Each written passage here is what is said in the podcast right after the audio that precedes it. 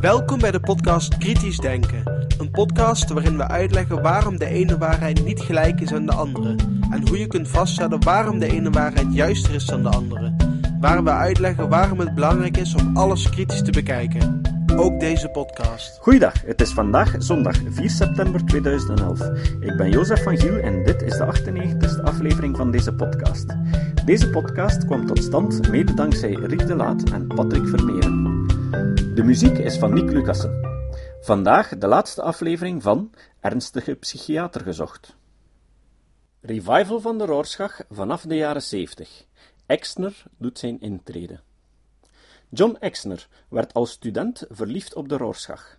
Hij bezocht Samuel Beck en Bruno Knopfler, die elkaar beconcurreerden met hun visies op de Rorschach en droomde ervan deze idolen met elkaar te verzoenen, waar hij overigens niet in slaagde. Hij ontwikkelde dan maar het zogenaamde Comprehensive System en publiceerde hiervoor verschillende boeken. Hij stelde dat de Rorschach wel degelijk werkte en dat het valide en klinische nuttige resultaten opleverde. Hij publiceerde in 1978 voor het eerst normen voor kinderen en voor adolescenten en rapporteerde ook cijfers over de test-hertest betrouwbaarheid. Zijn cijfers waren zeer positief, wat in groot contrast stond met de studies verricht door Kronbach, Jensen en Eysenck. De meeste psychologen hadden nu echt iets wat ze maar al te graag wilden geloven, en zelfs de Raad van Professionele Zaken en de Vereniging van Amerikaanse Psychologen, APA, en dus niet een wetenschappelijke groep, bracht een haast religieus eerbetoon aan Exner. Exner is erin geslaagd om op zijn eentje de Rorschach te redden en terug tot leven te wekken.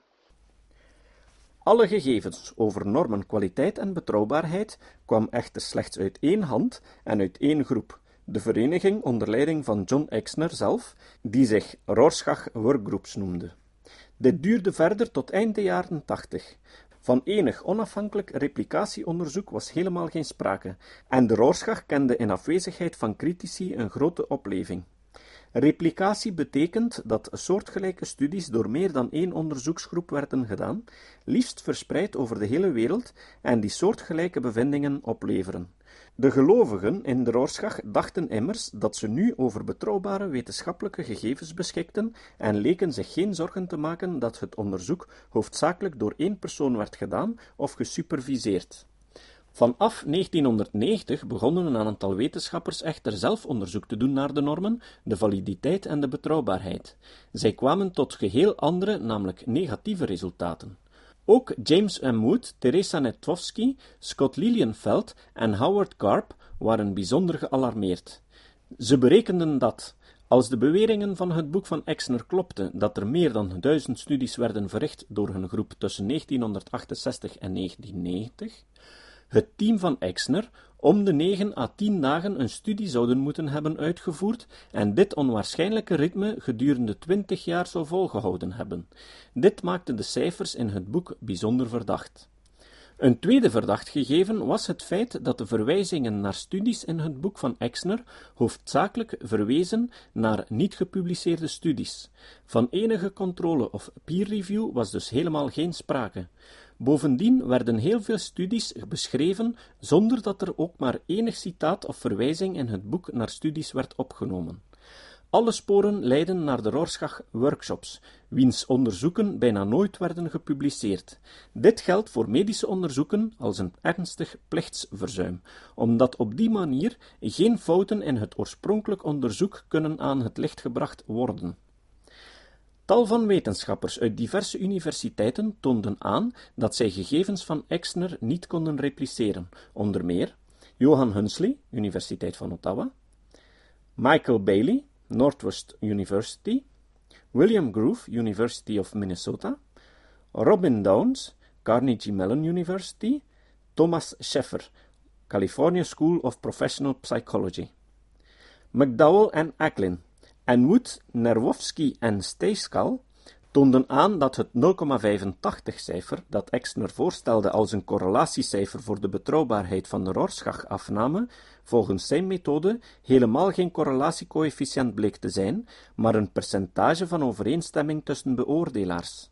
Exner kon niet anders dan schoorvoeten toegeven in Psychological Science in 1996, dat hij collega's misschien had misleid, maar hij schreef het toe aan nalatigheid in zijn woordkeuze. Aanhangers van de Rorschach, zoals Ecklin, vonden nu plots dat een betrouwbaarheid van 0,61 voldoende was, een cijfer dat absoluut onaanvaardbaar is. In de huidige moderne psychometrie wordt zelfs 0,8 als het Olympisch minimum beschouwd. Immers, wanneer een intelligentietest slechts 0,61 betrouwbaarheid zouden hebben, zou het IQ-cijfer liggen tussen 72, beschouwd als de cutoffscode voor mentale retardatie, en 105, beschouwd als net boven het gemiddelde 100. Thomas Scheffer, Philip Erdberg en John Haroyan vonden zelfs dat in 44% van de gevallen de Rorschach-test scores een betrouwbaarheidscoëfficiënt lager dan 0,61 opleverden. Maar er stond Exner nog meer te wachten. Een grote internationale studie uitgevoerd in meerdere landen, Rorschach Non-Patient Data, Findings from Around the World, Erdberg et al. in 1999, toonde aan dat de scores van mensen over de ganse wereld vaak erg gelijklopend waren. Dat was het goede nieuws, maar het probleem was dat deze niet-zieke mensen allemaal ziek bleken wanneer men hun scores vergeleek met de normen in de boeken van Exner. Vervolgens verscheen een studie in 2000 door Hemmel, waarbij 100 normale schoolkinderen uit Californië als ernstig ziek dienden te worden beschouwd met de normen van Exner. James M. Mood, Teresa Netsovsky, Scott Lilienfeld en Howard Garp groepeerden 32 studies waarbij het Comprehensive System werd toegepast op volwassen Amerikanen. Ze berekenden normen en deze bleken erg af te wijken van de normen van Exner en sterk overeen te komen met de normen van Scheffer en Erdberg. Beatrice Midman van Long Island University vroeg aan 90 alumni van de Rorschach werkgroepen de protocollen toe te passen op zowel psychiatrische patiënten als op normale volwassenen. 75% van de normale volwassenen werden als ziek bestempeld. Gregory Meyer en Exner verwierpen deze vaststelling met het argument dat het wellicht aan het fout toepassen van de protocollen moet hebben gelegen. In 2001 publiceerde Exner echter plots en zonder enige verduidelijking een correctie in de vijfde uitgave van het boek Rorschach Workgroup for the Comprehensive System. 221 van de 700 personen waarop de normen waren gebaseerd, bleken echter pure duplicaten te zijn. De echte database bestond dus uit 479 individuen en 221 werden dus tweemaal gebruikt. Van de 700 personen die de normgroep uitmaakten, waren er tweemaal 221, dus 442, dubbel ingevoerd. Dit zorgde voor grote consternatie en werd dus toch vrij snel ontdekt en wereldkundig gemaakt. Meer dan tien jaar hadden psychologen zich dus op volkomen foute normen gebaseerd. Exner heeft nooit publiek uitleg gegeven hoe dit kon gebeuren. Op basis van een verklaring van Gregory Meyer berekenden Moed et al. dat Exner en Meyer al minstens twee jaar weet had van de fouten in de normen, nog voor een congres in 1999 waarop Scheffer en Erdberg hun resultaten toelichten. Het probleem met de Exner-cijfers is zeer groot. De cijfers van de workshop kunnen niet worden gerepliceerd door onafhankelijke onderzoekers.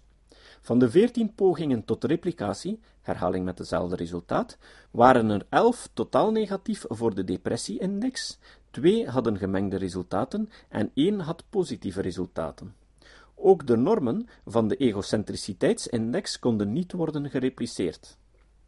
De cijfers van de Rorschach-workshops worden niet ter beschikking gesteld aan andere onderzoeken en dus kan hun waarheidsgehalte niet worden nagetrokken. Weet je nog, bij NLP was dat ook zo. Wood en collega's hebben verschillende pogingen ondernomen om de data van Exner te krijgen om deze opnieuw statistisch te analyseren. Een eerste verzoek tot verkrijging van de data in 1993 werd schriftelijk geweigerd omdat ze niet voorhanden waren. Bij een tweede poging met aanbod tot financiële vergoeding voor het opzoekwerk werd geantwoord dat de data niet in een verwerkbare vorm zaten. Ter herinnering, nochtans werd in de boeken van Exner melding gemaakt van de meer dan duizend studies. Nadat deze diverse weigeringen in wetenschappelijke artikels werd gepubliceerd gaf Exner een uitleg die in tegenspraak was met de schriftelijke inhoud van de weigeringsbrieven. In 2000 werd een nieuwe poging ondernomen omdat Exner had gezegd dat raw data matrices beschikbaar waren. Enkele maanden na het verzoek schreef Exner echter dat de Rorschach Research Council had besloten dat de data niet werden ter beschikking gesteld. Ze hadden de data immers zelf al meermaals opnieuw geanalyseerd en vonden het zelf niet nuttig dat anderen dit nog eens zouden doen. Daarmee sloot men de mogelijkheid tot elke onafhankelijke review uit. In het Verenigd Koninkrijk bestaat de Freedom of Information Act, die wetenschappers kan verplichten hun datamateriaal ter beschikking te stellen, maar in Amerika en in België bestaat dergelijke wet helaas niet. Wood en collega's besluiten dus dat wetenschappers niet kunnen concluderen dat het comprehensive system voldoende validiteit heeft. Meer nog, onafhankelijk onderzoek laat problematische validiteit en betrouwbaarheid zien. De Rorschach is geen betrouwbaar instrument om tal van problemen vast te stellen.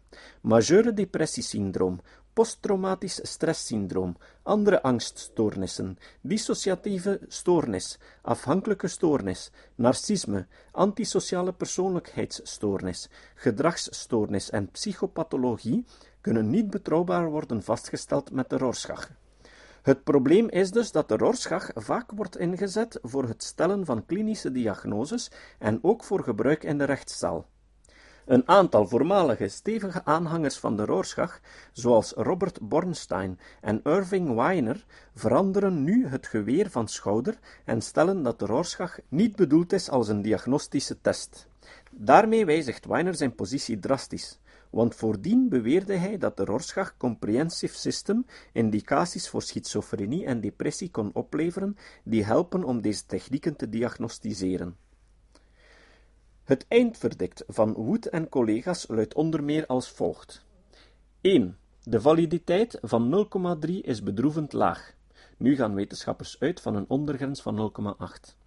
Maar het gaat hier over het cijfer van de Rorschach als globaal instrument, terwijl dit cijfer niets aangeeft van de diverse schalen of constructen die de Rorschach-test volgens het Comprehensive System van Exner meet.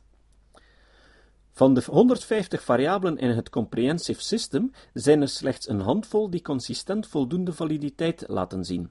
Dit staat bijvoorbeeld in schril contrast met de MMPI, waarvan de globale validiteit ook slechts 0,30 bedraagt, maar waarbij bijna al de 10 klinische schalen, zoals voor depressie, psychopathologie en schizofrenie, een voldoende validiteit laat zien. 2. De afname van de Rorschach-test vergt een intensieve training en een subjectieve scoring voor de testafnames, met tal van risico's op cognitieve valkuilen tot gevolg, terwijl de MMPI bijvoorbeeld geen enkele training vergt en de score veel gemakkelijker is en minder onderhevig aan fouten. 3.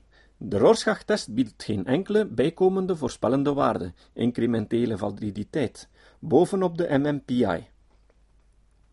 4.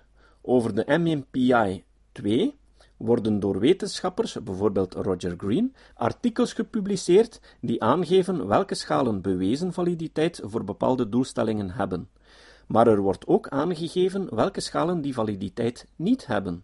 Zulke objectieve evaluatie van de Rorschach wordt niet gegeven door het Comprehensive System. 5. De Rorschach doet nog altijd ook met het comprehensive system de overgrote meerderheid van normale mensen ziek lijken. Dat zoveel psychologen en psychiaters nog steeds geloven, dat is het juiste woord, het lijkt meer op een geloofsovertuiging dan op de wetenschap, in de Rorschach heeft waarschijnlijk te maken met welbekende valkuilen in het menselijke denken, de confirmatieneiging, de illusoire correlatie, het bandwagon-effect of de ad populum misvatting en andere cognitieve fouten die alle denken van alle mensen kenmerkt. Het consistentieprincipe zal er ook wel voor zorgen dat men wil consistent blijven met zijn eerdere keuzes, zeker wanneer men bepaalde stellingen heeft ingenomen en zowel financieel als emotioneel zwaar heeft geïnvesteerd in de Rorschach. Bovendien is het vervelend tegen patiënten te moeten toegeven dat men al die jaren met een onbetrouwbaar instrument heeft gewerkt. De enige manier om zich te wapenen tegen dergelijke menselijke denkfouten is de wetenschappelijke methode. Wat me bijzonder ongemakkelijk zit, is dat mijn echtgenote signaleerde dat er ook in het Sint-Josefskliniek in Kortenberg met Rorschach werd gewerkt. Toen ik dokter Pascal Sinaert hierover schriftelijk contacteerde, werd ik doorverwezen naar de psycholoog Stefan Vertommen. Uit de correspondentie bleek dat de Rorschach-test inderdaad ook in de Sint-Josefskliniek in Kortenberg wordt gebruikt, zij het niet meer als projectieve test, sign approach. Daarbij werden de argumenten aangehaald dat de Rorschach niet meer werden gebruikt als projectieve test. Dit is inderdaad helemaal uit den boze en achterhaald. Maar wel nog met toepassen van een zeer stringente Exner-analyse. Om het logisch denken te testen en ook als visuele prikkel om exploratief hypothesen te stellen over het al dan niet gefragmenteerd zijn van de sensoriële prikkelverwerking. Het is nog niet geheel duidelijk om welke Exner-analyse het gaat, maar u zult helaas op basis van voorgaande relaas begrijpen dat de Exner-cijfers in de ogen van vele wetenschappers onbetrouwbaar en zelfs zeer verdacht worden bevonden. Wanneer het echter gaat om de loutere beoordeling van tot disorder, dan is dit blijkbaar een van de weinige betrouwbare scores die echter volgens Wood et al. nog verder onderzoek vergt omdat de normen gelimiteerd zijn en de bewijzen voor de validiteit nog preliminair zijn. Er is dus nog replicatie nodig, en dus vraag ik mij af waarom men er in de Sint-Josefskliniek dan toch nog mee werkt. Het is ook op zijn minst bizar te noemen dat men de inktvlekkentekeningen van Herman Rorschach louter als visuele prikkel aanbiedt. Normaal moet men voor elke testafname een vergoeding betalen, maar vooral is de test zo controversieel en leggen vele mensen natuurlijk een verband met het klassieke gebruik van de Rorschach. Dit zorgt voor verwarring en argwaan bij meerdere patiënten, waarvan ik kan getuigen, niet alleen bij ons. Het is ook niet duidelijk hoe de verstoring van de sensoriële prikkelverwerking in de Sint-Josefskliniek wordt beoordeeld. Gebeurt dit bijvoorbeeld door een EEG, of is dit toch nog onderhevig aan het subjectieve oordeel van de psycholoog?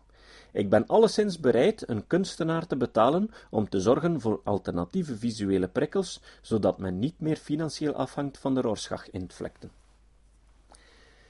Evidence-based medicine? Terwijl men in andere landen duidelijk afstand neemt van de psychoanalyse en het dodo-bird-verdict als een hardnekkige mythe beschouwt, en meer en meer CGT als de enige valabele aanvullende therapie ziet voor tal van aandoeningen, hinken vooral Frankrijk en België achterop. Frankrijk heeft een hardnekkige traditie in de psychoanalyse en Lacan is er nog ongemeen populair. Al eens gekeken naar een filmpje van de man op YouTube? U zult wellicht, net als ik, tot de constatering komen dat dit een gek is. Veel mensen bewonderen hem echter omdat hij zo geleerd overkomt en ze zichzelf intellectueel de mindere voelen. Ze denken verkeerdelijk dat ze het niet begrijpen omdat ze zelf niet slim genoeg zijn, terwijl het antwoord veel eenvoudiger is. Lacan was een doodzieke geest die geen enkele samenhang in zijn betoog kon brengen. De studie van de INSERM, die aangaf dat CGT superieur was en psychoanalyse niet werkzaam, werd dan ook op protest van de psychotherapeuten onthaald. Schattingen geven aan dat meer dan 80% van de Franse psychotherapeuten in psychoanalyse geloven. In België zijn ook nog enkele hardnekkige haarden van psychoanalyse te vinden. Zo is er aan de Universiteit van Gent een groepje academici die, jawel, aanhangers zijn van Lacan. In Leuven is er, zoals eerder vermeld, het Center for Psychoanalysis and Psychodynamic Psychology, verbonden aan de universiteit. Nu, ze hebben ook een godgeleerdheid verbonden aan de universiteit. De lijst met namen van artsen en psychologen die zich niet tot de psychoanalyse bekennen, is indrukwekkend lang. Ook in het onderwijs aan de Leuvense KUL leert men aan studenten dat psychoanalyse nuttig kan zijn. Professor Mia Leijsen van de KU Leuven doet in het tijdschrift Bodytalk van september 2007 de uitspraak dat de patiënten zelf moeten kiezen welke therapeutische richting men moet kiezen. Ben je meer gevoelsmatig, dan zou psychoanalyse goed kunnen zijn, omdat psychoanalyse in het verleden spit en daar naar inzichten zoekt om het heden te begrijpen. Daarmee lapt ze alle wetenschappelijke evidentie die aantoont dat dit in het verleden spitten geen enkel nut heeft, volkomen aan haar laars. Ook zij stelt: alle therapeutische oriëntaties hebben even goede resultaten. Een maand later, in het oktobernummer van 2007, wordt al iets duidelijker waarom. Ze neemt duidelijk droomanalyse uit het psychoanalytische gedachtengoed over. Dromen zijn belangrijk in therapie, omdat ze vaak een weerspiegeling zijn van thema's uit je leven die om aandacht vragen. En psychiater en psycholoog Gustav Jung vergelijkt de droom met een brief die ons wordt toegestuurd vanuit het onderbewuste. Daarom cirkelen meerdere dromen rond hetzelfde thema of wordt een symbool herhaald in verschillende dromen tot het probleem is opgelost of de betekenis gelijk is. Dromen zijn verhalen in symbooltaal, waarbij innerlijke beleving wordt weergegeven in beelden. Dit is zo gek en zo in tegenspraak met wat momenteel over de functie van dromen wordt beschreven, dat ik er niet eens wens op in te gaan. Ze verbindt ook spiritualiteit met cliëntgerichte therapie, waarin zij docente is. Het dient gezegd dat het koppelen van geloof en spiritualiteit aan wetenschap een hoogst bedenkelijke, alleszins onwetenschappelijke aanpak is. Dat zij zich bekeert tot een school die uit meta-analyses meestal slechtere resultaten boekt dan CGT, verklaart haar liefde voor de metafoor van de dodo-bird. Treffend is haar stelling uit 2003 Cliëntgerichte therapie heeft zich minder gericht op het outcome-onderzoek en is mede daardoor in concurrentiestrijd tussen oriëntaties in een zwakkere positie beland. In een tijdsgeest van kostenbesparing en snel en efficiënt werken heeft de cliëntgerichte therapie echter te zeer op haar lauweren gerust en onvoldoende tussen aanhalingstekens bewezen dat ze beslagen is om de noden van de tijd te beantwoorden. Misschien vallen er geen bewijzen te rapen, maar ze is enkel het slachtoffer van de confirmatieneiging en weigert zij te erkennen dat er een betere, snellere en dus goedkopere en ethischer manier van handelen is? Nu doen te veel artsen aan zogenaamde evidence-based practice, wat ze handig verpakken als evidence-based medicine. Evidence-based medicine is het gewetensvol, expliciet en oordeelkundig gebruik maken van het huidige, beste bewijsmateriaal om beslissingen te nemen over de zorg voor individuele patiënten. Het impliceert het integreren van individuele klinische expertise met het beste externe bewijsmateriaal dat vanuit systematisch onderzoek beschikbaar is. De voorkeuren, wensen en verwachtingen van de patiënt spelen bij de besluitvorming een centrale rol. Sackett et al. 2000 dit soort definities zet de deur wagenwijd open naar pseudowetenschappelijke geneesmiddelen zoals homeopathie en bachbloesemtherapie. De patiënt vraagt, de arts levert. Artsen zouden bovendien dringend in hun opleiding moeten geleerd krijgen dat de menselijke geest onderhevig is aan tal van vooroordelen en redeneerfouten, zoals de confirmatieneiging. Ervaring of klinische expertise is helemaal geen betrouwbare bron van kennis. Systematisch wetenschappelijk onderzoek waarin gezocht wordt naar bewijs en tegenbewijs is dat wel.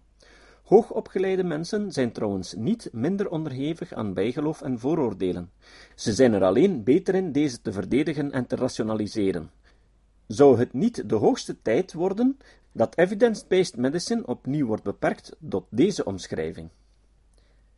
Evidence-based medicine is geneeskunde op basis van bewijs. Is het expliciet oordeelkundig en conscientieus gebruik maken van het beste beschikbare bewijs bij het maken van een keuze voor de behandeling van de patiënt. Dit alles gegeven de stand van de medische wetenschap van het moment. Wikipedia. Of laat ons teruggaan naar de eerste verschijning van de definitie. Empirisch onderbouwde geneeskunde is het gewetensvol, expliciet en oordeelkundig toepassen van de beste bestaande bewijzen bij het nemen van beslissingen met betrekking tot de zorg van individuele patiënten. David Sackett, 1992. Zou het niet de hoogste tijd worden dat de therapeutische vrijheid van artsen en psychotherapeuten aan banden worden gelegd? Zou het niet nuttig zijn elke patiënt een informed consent te laten tekenen waar de huidige stand van de wetenschap op staat vermeld, met inbegrip van de werkzaamheid, de gemiddelde duur en de vermoedelijke kostprijs. Op die manier zouden nutteloos lange, kostelijke en potentieel schadelijke therapievormen, zoals de psychoanalyse, snel de wereld uitgeholpen worden. Conclusie. Onderzoek geeft aan dat 1. De psychoanalytische theorie ondeugdelijk is. 2. De psychoanalytische of psychodynamische behandelingen geen bewezen genezingseffecten hebben. Bovendien vind ik het 3 bijzonder onethisch dat men aan mensen een therapie aanprijst die a. op foute theorie berust, b. het potentiële gevaar inhoudt dat familieleden onterecht worden beschuldigd en c. mensen langdurig aan de therapeut bindt, waardoor zij, en in sommige landen de ziekteverzekering, nodeloos geld verspillen. Ik had een schriftelijke uitwisseling met professor Lilienveld, waarin hij enkele van mijn stellingen die ik hier doe, bevestigt. The Doodoo-Bird verdict is extreme conform. Complete therapeutic equivalence is clearly false. Ook hij deelt het standpunt dat het niet ethisch is dat een therapeut een therapievorm verkiest die meer kost aan de patiënt en aan de maatschappij dan een andere therapievorm. Hij vindt het noodzakelijk dat If a therapist chooses to use such a therapy, it is incumbent to him or her to provide full informed consent to the client. At the very least, such therapy should not be reimbursed at taxpayer expense. Wat betreft de sterke effecten van de therapeutische alliantie is hij evenmin overtuigd dat dit gunstige effect aan de therapeut toe te schrijven is. Certainly, there is clear evidence for a very strong association between the quality of the therapeutic alliance and client's outcome. There is controversy, however, how much of the direction of this association is causal. For example, Dhirubhai's research suggests that the causal arrow here may often be reversed, so that client improvement often loads superior alliance. The issue remains unresolved.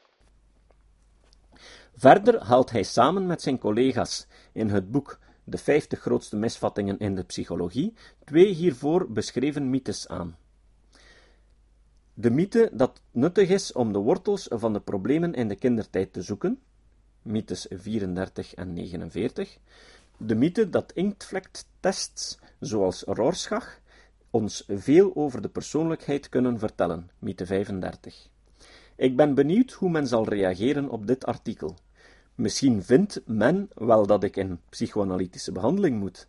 Legt men mij aan de leugendetector? Neemt men een Rorschach-test af en gaat men na of ik geen seks heb gehad met mijn moeder? Misschien moet ik maar eens naar de rechtbank stappen om dit te voorkomen. Getekend Patrick Vermeeren. Met bijzondere dank aan mijn echtgenote Annemie, die zo moedig was dat ons en haar verhaal hier mag verteld worden in de hoop de kennis over depressie te verhogen en de medische wereld te bewegen tot meer op bewijzen gebaseerde behandelingen. Met dank aan dokter Geert de Bruiker, professor Philippe de Fruit, professor Dirk Hermans en Pascal Sinaert, die elk op hun beurt bijdroegen aan de redding van mijn echtgenote, zoals dokter De Breuker het in een gesprek stelde. Dank ook aan Patrick Cox en aan alle familieleden, vrienden en collega's op het werk voor hun begrip en hun steun. En ik zou ook graag Patrick Vermeeren en zijn vrouw bedanken, omdat ik dit mocht uitzenden op deze podcast, en ook Skep voor de publicatie. Het citaat. Vandaag weer een citaat van Richard Feynman. Feynman zei: Ik denk dat het veel waarschijnlijker is dat de rapporteringen van vliegende schotels het resultaat zijn van bekende irrationele karakteristieken van aardse intelligentie dan van onbekende rationele karakteristieken van buitenaardse intelligentie. Tot de volgende keer.